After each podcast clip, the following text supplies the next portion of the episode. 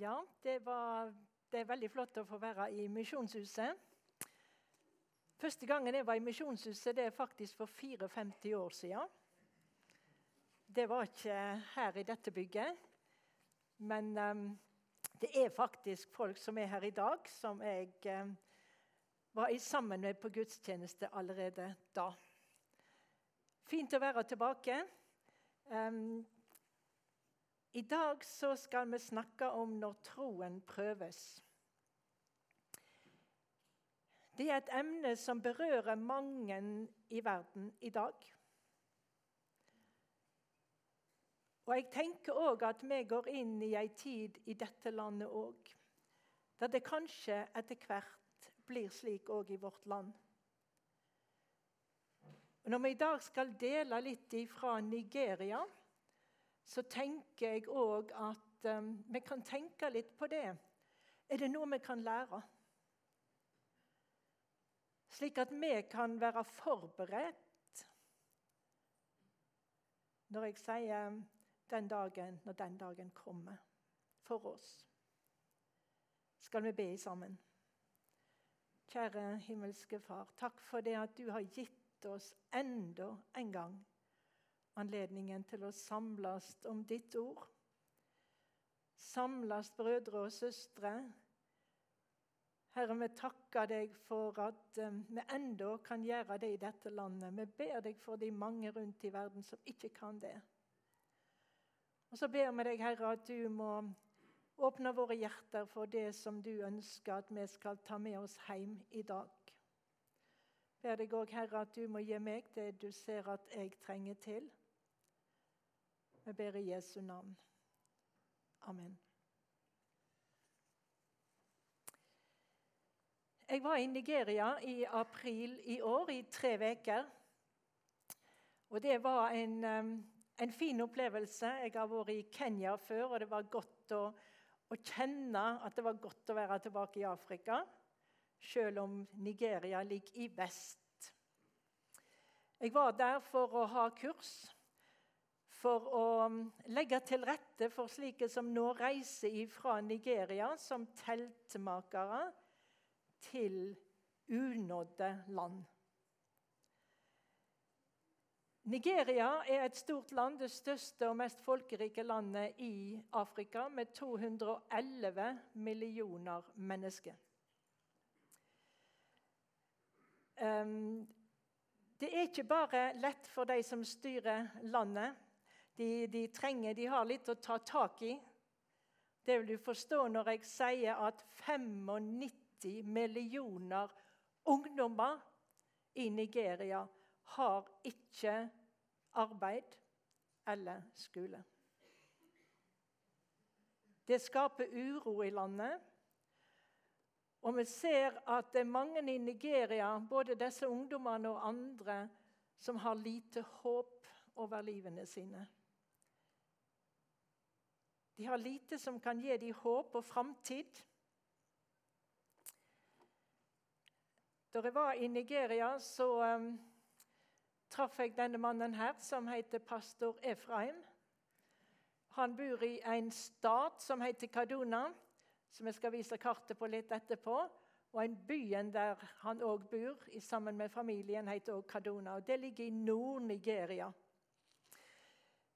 Pastor Efraim han var både født og oppvokst i Nord-Nigeria, i Kaduna.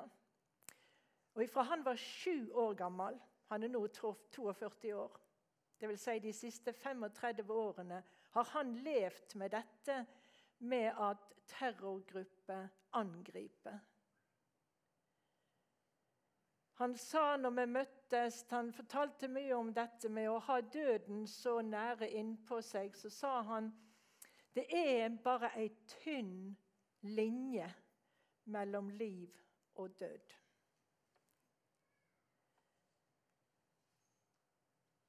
I Nigeria så bor muslimene i nord, i området her.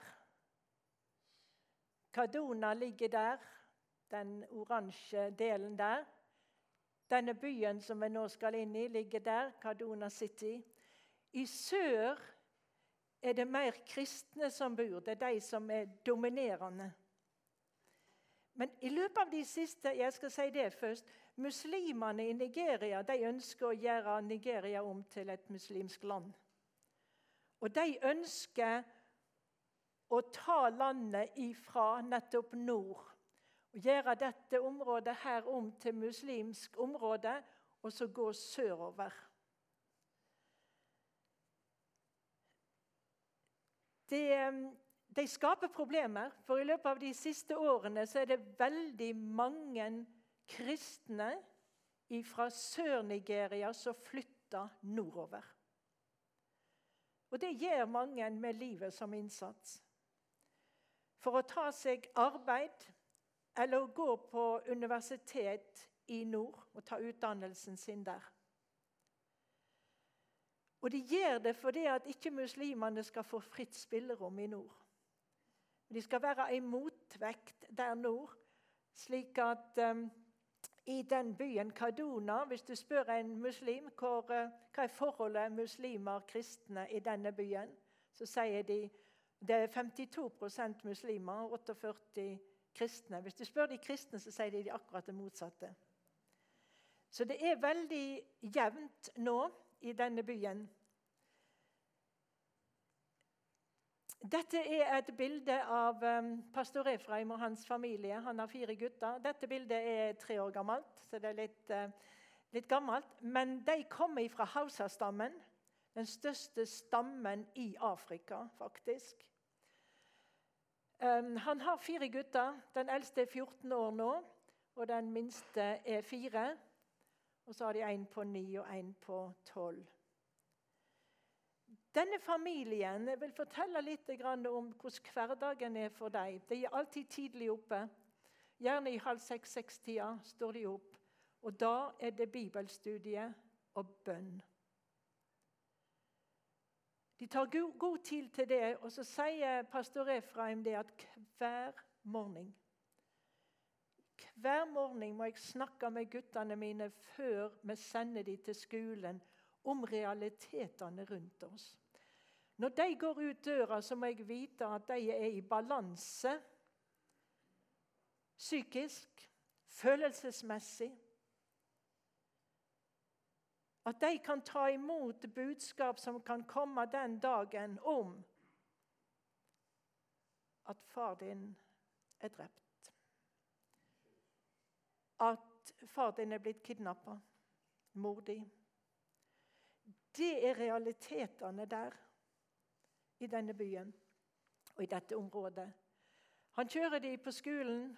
Det er ikke langt til skolen deres. De kunne ha gått hvis det hadde vært i Norge. Det har ikke tatt lang tid, men han kjører de. Og leverer de der klokka åtte om morgenen og henter de når de er ferdig på skolen klokka fire på ettermiddagen. Og når de kommer hjem igjen De har huset sitt der de bor, inne på kirketomta, der han som er hans kirke. Eh, der er det murer rundt omkring. Og disse guttene kan aldri gå ut i samfunnet rundt der de bor. Når de kommer igjen fra skolen, så er resten av dagen hjemme i huset. Slik er det. Faren sier sjøl, pastor Efraim, at når jeg går ut i samfunnet her Og det gjør han ofte, for han ønsker å bygge relasjoner. Han ønsker å han sier jeg er, en, jeg er en prest for hele samfunnet her, ikke bare de som kommer fra kirka. Hele tida når jeg går ute, så må jeg hele tida tenke og finne ut hvem er det nå jeg har bak meg. Hvis han er ute og kjører bil, så må han hele tida se i speilet. Hva bil er det som er bak meg nå? Hvordan oppfører de seg, de som er i den bilen? Dette er litt av livet som de lever. Men han sier Gud er trufast. Gud har vært trufast inntil i dag. Og vi tror at han vil òg være trufast i dagene som ligger framfor. Pastor Efraim er prest for én menighet, men han har òg overoppsyn med fem andre Slik at han hjelper prester rundt omkring i eh, byen. De bor ikke så langt ifra hverandre. Det er ganske mye kristne i dette området. Og Akkurat nå så er de samla til fest i dag i denne kirka. Vanligvis så er de samla fra klokka 9 til klokka 11 til gudstjeneste. Og Han sier det at når klokka er 11, når klokka er 11 og gudstjenesten egentlig er ferdig, så spør han rett som det er vil de gå hjem nå. Nei, sier de. Vi vil fortsette. Jeg vet ikke om de sier det her i Misjonshuset, da, men det sier de der. Og så fortsetter vi gjerne en time eller to. For her i kirka er det trygt. Veldig mange av disse som kommer til kirka, bor i områder som ikke er trygge. Kidnapping og drap kan skje hvor som helst og når som helst. I dag feirer de, akkurat nå så feirer de Han vil så gjerne skape litt fest og glede. Gode minner som de kan ta med seg i en mørk dag, hverdag. I dag feirer de alle i menigheten som er 70 år eller eldre. Stor fest. De har sydd klær til dem. Mange av disse er fattige. De har sydd klær til dem. Alle har samme klær i dag, både menn og kvinner. Samme stoff. Mennene har tunika og eh, bukser i den tradisjonen der. Og så har ei som har bakt ei kjempestor kake. De har bestemt seg for å feire sammen med hele menigheten. Og i dag kommer alle og vel så det, så de regner med ca. 400. Og det skal bli middag til alle sammen. Og Så har de bedt inn noen ekstra forsterkninger med prester. Tre pensjonerte prester for å være med i forbønner for disse som nå feirer bursdagen sin i dag.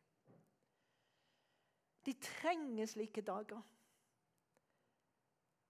Dager som skaper glede han sier mange av disse har aldri i sitt liv feirt deres bursdag. Mange har ikke noen å feire med heller, men i dag feires det. Før gudstjeneste begynner, klokka åtte, så begynner de med søndagsskole for både barn og voksne.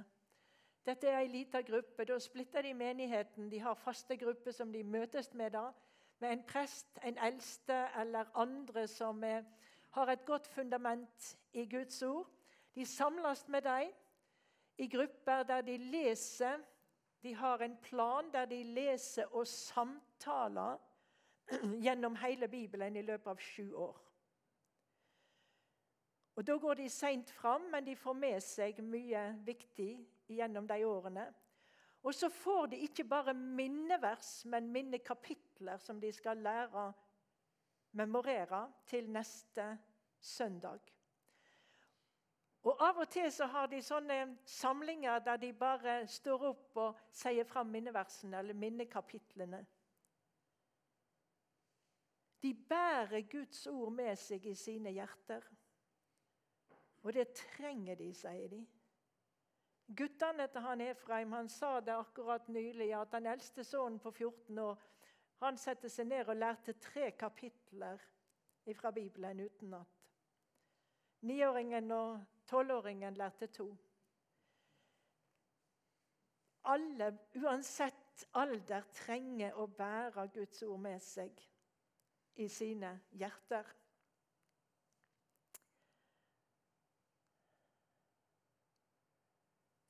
Det er mange angrep av terrorgrupper. Vi har Boko Haram, som sikkert flere av dere kjenner til. Men òg muslimske nomadegrupper, som ofte kommer når de kommer og skal angripe ute på landsbygda, i landsbyer. De kommer for å ta jorda fra bøndene. I det området, i denne provinsen, de fleste bønder er kristne. Og Da kommer de i grupper på mellom 30 og 50 med veldig gode våpen. Og der står de. Der er de. Bonden med sin familie, sin kone og sine barn. Og så veit de nå vil de ta ifra oss jorda som vi har arva fra våre fedre. På jorda der, der ligger òg familiegravene. De vil så gjerne beholde dette. Dette er jo livet deres. Og så vet de òg at når disse, disse angriperne kommer, så er det mye vold. Kvinnene blir voldtatt veldig ofte der og da framfor resten av familien. Og hvis bonden da gjør motstand, så blir de drept. Når vi satt og snakka sammen i Nigeria, så fortalte han like før jeg reiste, så fikk jeg en telefon. Pastor Efraim han har òg en mastergrad i konfliktløsning. Etter det jeg forstår, eller det som jeg tenker, De fleste har sikkert hans telefonnummer. Han er prest. De trenger han når døden kommer, når det er vanskelig. Jeg fikk en telefon, sa han, og i andre enden så sa han på telefonen 'Nå kommer de'. Og så sa pastor Efraim, da sa jeg til han, 'Gud er med dere'. Og så sa han ikke mer. Og jeg tenkte, sa du ikke mer? Gud er med dere. Hva mer var det egentlig som trengte å sies? Hva mer kunne han si? Når Moses skulle gå til farao og ikke ville, så sa Gud til han, 'Jeg er med deg'.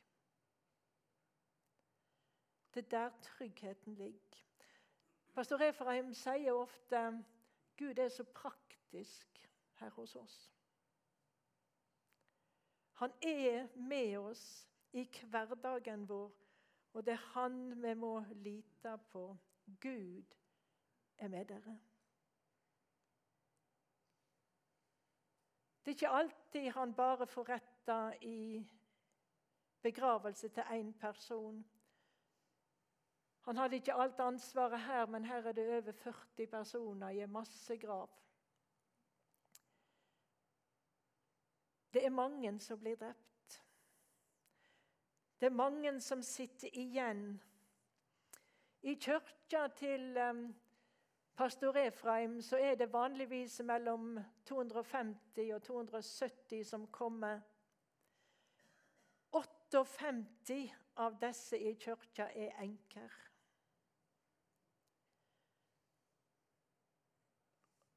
Og disse enkene, er, mange av dem er veldig traumatiserte etter angrepet de har opplevd, etter når mannen ble drept.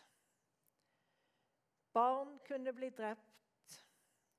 Det er mange av disse enkene sier han, som ikke klarer å fungere i samfunnet. Han sa det at det var ei mor, ei, som går, ei av enkene i menigheten hans, Ei kvinne på, i 50-åra. Hun opplevde at mannen ble drept. Men hun hadde tre ungdommer. Og Pga. disse tre ungdommene så, så gjorde hun det hun kunne for å stå rakrygga selv om mannen var blitt drept. Hun måtte være der for ungdommene sine. Og Så gikk det ei tid, jeg vet ikke hvor lenge, hun hadde to døtre og en sønn. Så ble den eldste dattera drept. Mor sto enda oppreist for sine to barn. Så skjedde det at sønnen ble drept. Da klarte ikke mor mer. Da brøt hun sammen.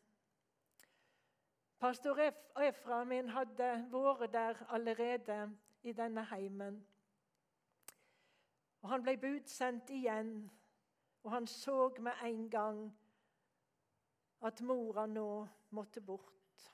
Han tok henne med seg i, bibel, i bilen sin og kjørte og tok henne med hjem til sin familie. Han fulgte henne opp over lang tid og hadde ei datter igjen. Og så sa han hun fikk litt etter litt trøst og hjelp ifra Guds ord. Hun fant igjen gleden i Herren. Og så sier han, 'Nå er denne enka med å hjelpe andre som mister noen av sine.'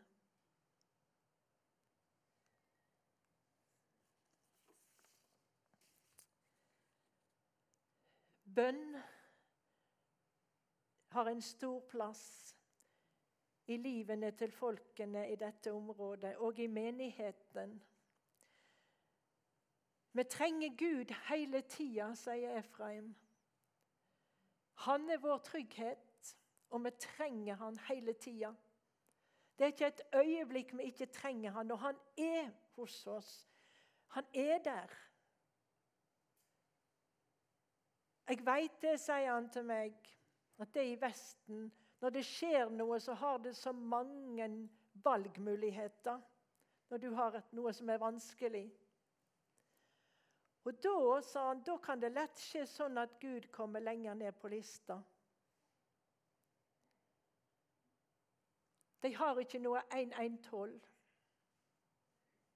Politiet er ikke tilgjengelig om folk blir drepte. Dessverre. Vi har bare Gud, sier han. Det er Gud vi må, det er Gud vi må påkalle. Og de samles i bønn. Prestene han er overseer av fem andre kirker, og han sier vi møtes, prestene Det er en god flokk av prester i de kirkene. Vi møtes annenhver uke til bønn. Og da bruker de fire timer. Hvis det er mye, så kan de legge på enda en time i bønn.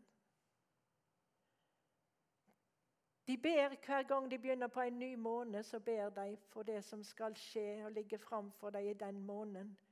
De ber for sikkerhet. De ber for hjelp til å være med og styrke og oppbygge hverandre Han eh, Bjørn André Østby i Norge har skrevet en, et lite dikt etter ei vanskelig tid som han har hatt. Og Der er det ei linje som sier Gi meg ei tru som tåler livet. Gi meg ei tru som tåler livet. Det er dette de prøver å bygge i hverandre. Denne trua som kan tåle det livet de lever. Har du ei tru som tåler ditt liv?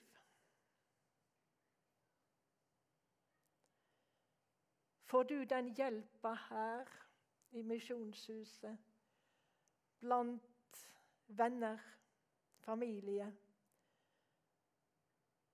som kan være hjelp for deg, så du kan tåle livet. Det ble sunget nå, skal se om jeg finner det. da. Det ble sunget så fint her um, i begynnelsen. Hvis jeg er heldig nå, så ser jeg det, men ikke sikkert jeg gjør det. Men det er nettopp dette om at Gud er med. Selv i de vanskelige dagene så er han der. Og det er han for deg òg. Gud er der. Gud er med deg. Det er nok òg for deg, for han kan du stole på. Og de ber mye. De har bønneveke for menn. Det er ikke som, det er mye mer, det er, to, det er tre, tre til fire ganger så mange kvinner som menn i menighetene.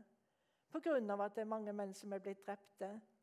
De gjør mye for å hjelpe de mennene de har. Og de har bønneveke bare for menn. Der de har ei hel uke der de har møter og samlinger hver ettermiddag, der de ber i sammen. De har bønnemøter for kvinner òg. Kvinner er jo alltid mange flere. Her skal dere se et nasjonalt kvinnemøte i Nigeria. Da ser det sånn ut. Dette er bare en liten fraksjon. Og dette er bare den organisasjonen som han hører til. Denne organisasjonen er en av de største organisasjonene.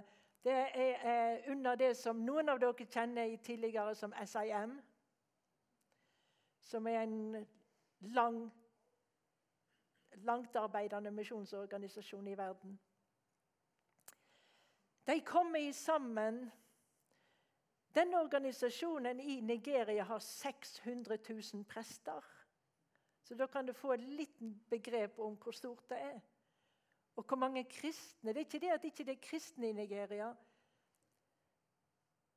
men de blir forfulgte for sin tro. Muslimene vil gjerne se at det blir færre. Til neste år skal det være valg i Nigeria. Og målet for terrorgruppene nå er kirkene, brenne kirker, drepe prester, kidnappe De gjør kidnappingen òg for å få penger.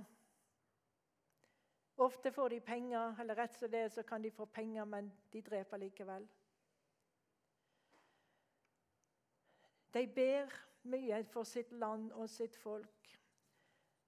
Disse kvinnemøtene er til stor styrke, ikke bare for disse titusenvis av kvinner som kommer til, til sammen, men for hele landet, for folket.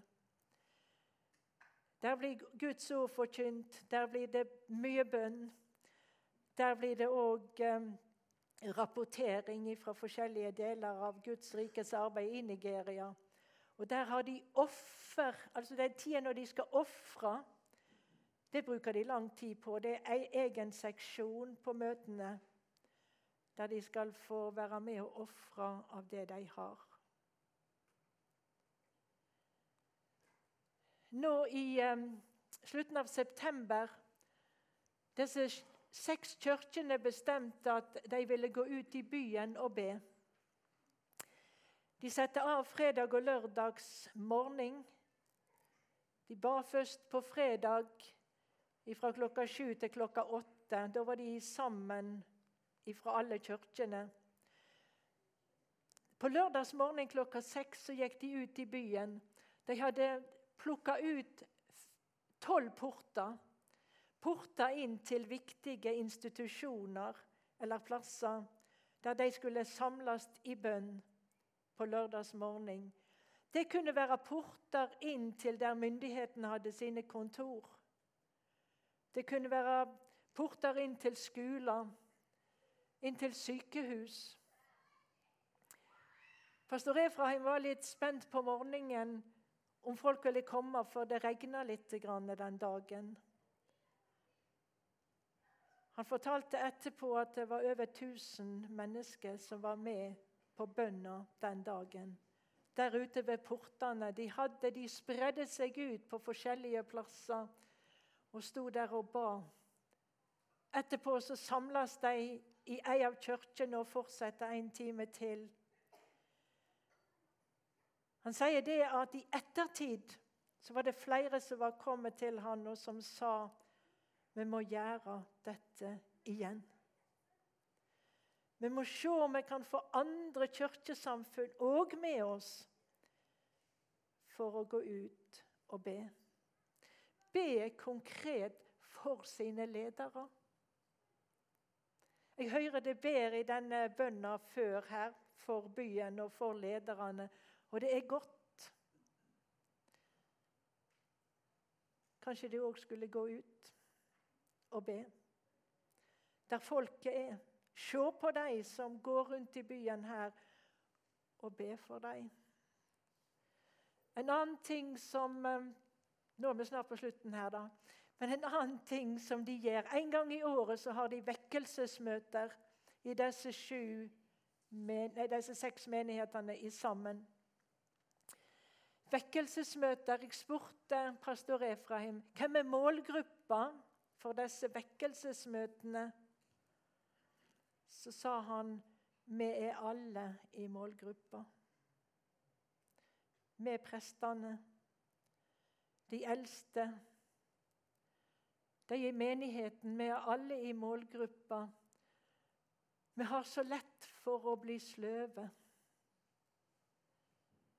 Vi må bli trukket tilbake til Gud, til det nære forholdet til Gud.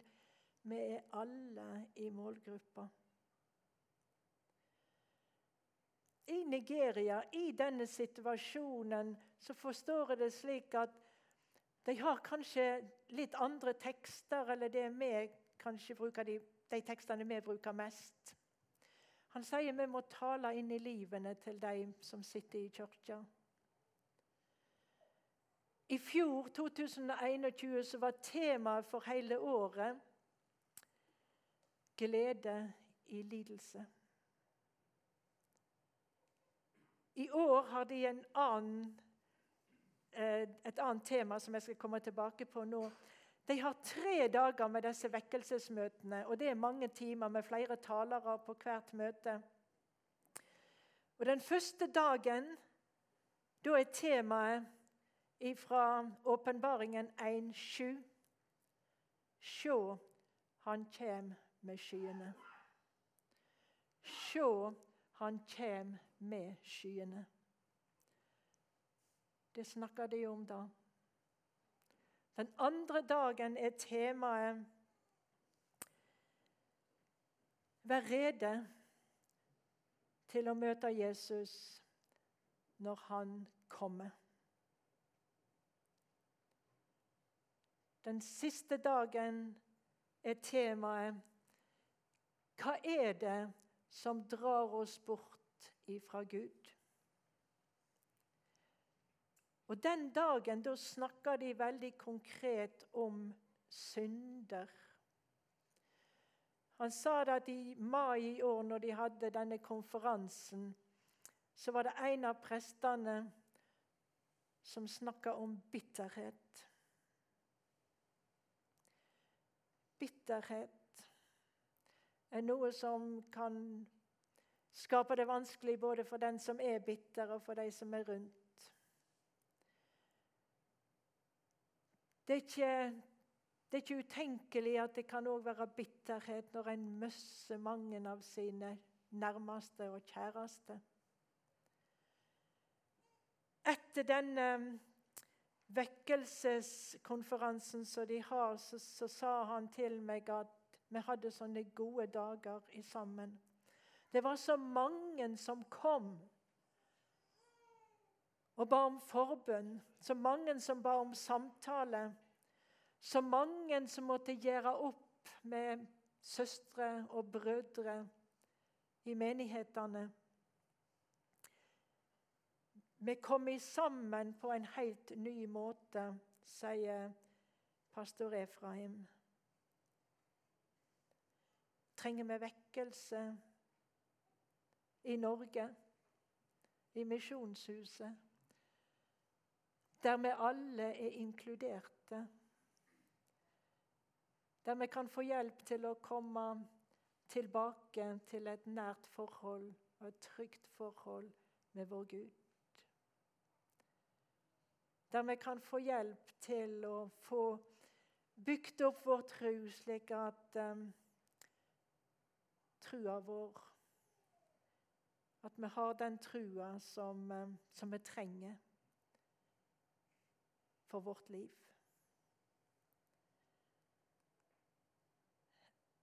Jeg tenkte på det mens jeg satt og, mens jeg satt og arbeidet med dette. Så fikk jeg en melding fra en tidligere student i Kenya. Som sendte noen vers fra Lukas 18. Og I vers 7 der står det Tenk på alle bønnene de ber. Her står det Skulle så ikke Gud hjelpe sine utvalgte til retten deres, de som roper til Han dag og natt? Er han sein til å hjelpe deg?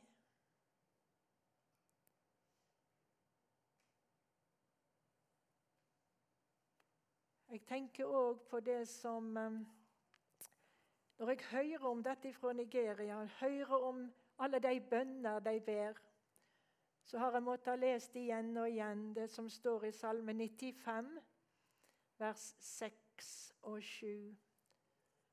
Jeg sier det til meg sjøl. Jeg leser det for deg. Der står det Kom, la oss knele og kaste oss ned. Bøye kne for Herren, vår skaper. For Han er vår Gud. Vi er folket Han gjeter, flokken i Hans hand. Ville det bare høre Hans røyst i dag? Vitnesbyrdet fra pastor Efraim og hans familie, fra de kristne i Nigeria er dette Gud er med oss. Gud er med oss. Og så sier han det vi trenger mer enn noen gang før, det er forbønn. Vi trenger det mer enn noen gang, at det er noen som er med og ber for oss. Det er tøft, men Gud er med oss. Må Gud velsigne deg. Amen.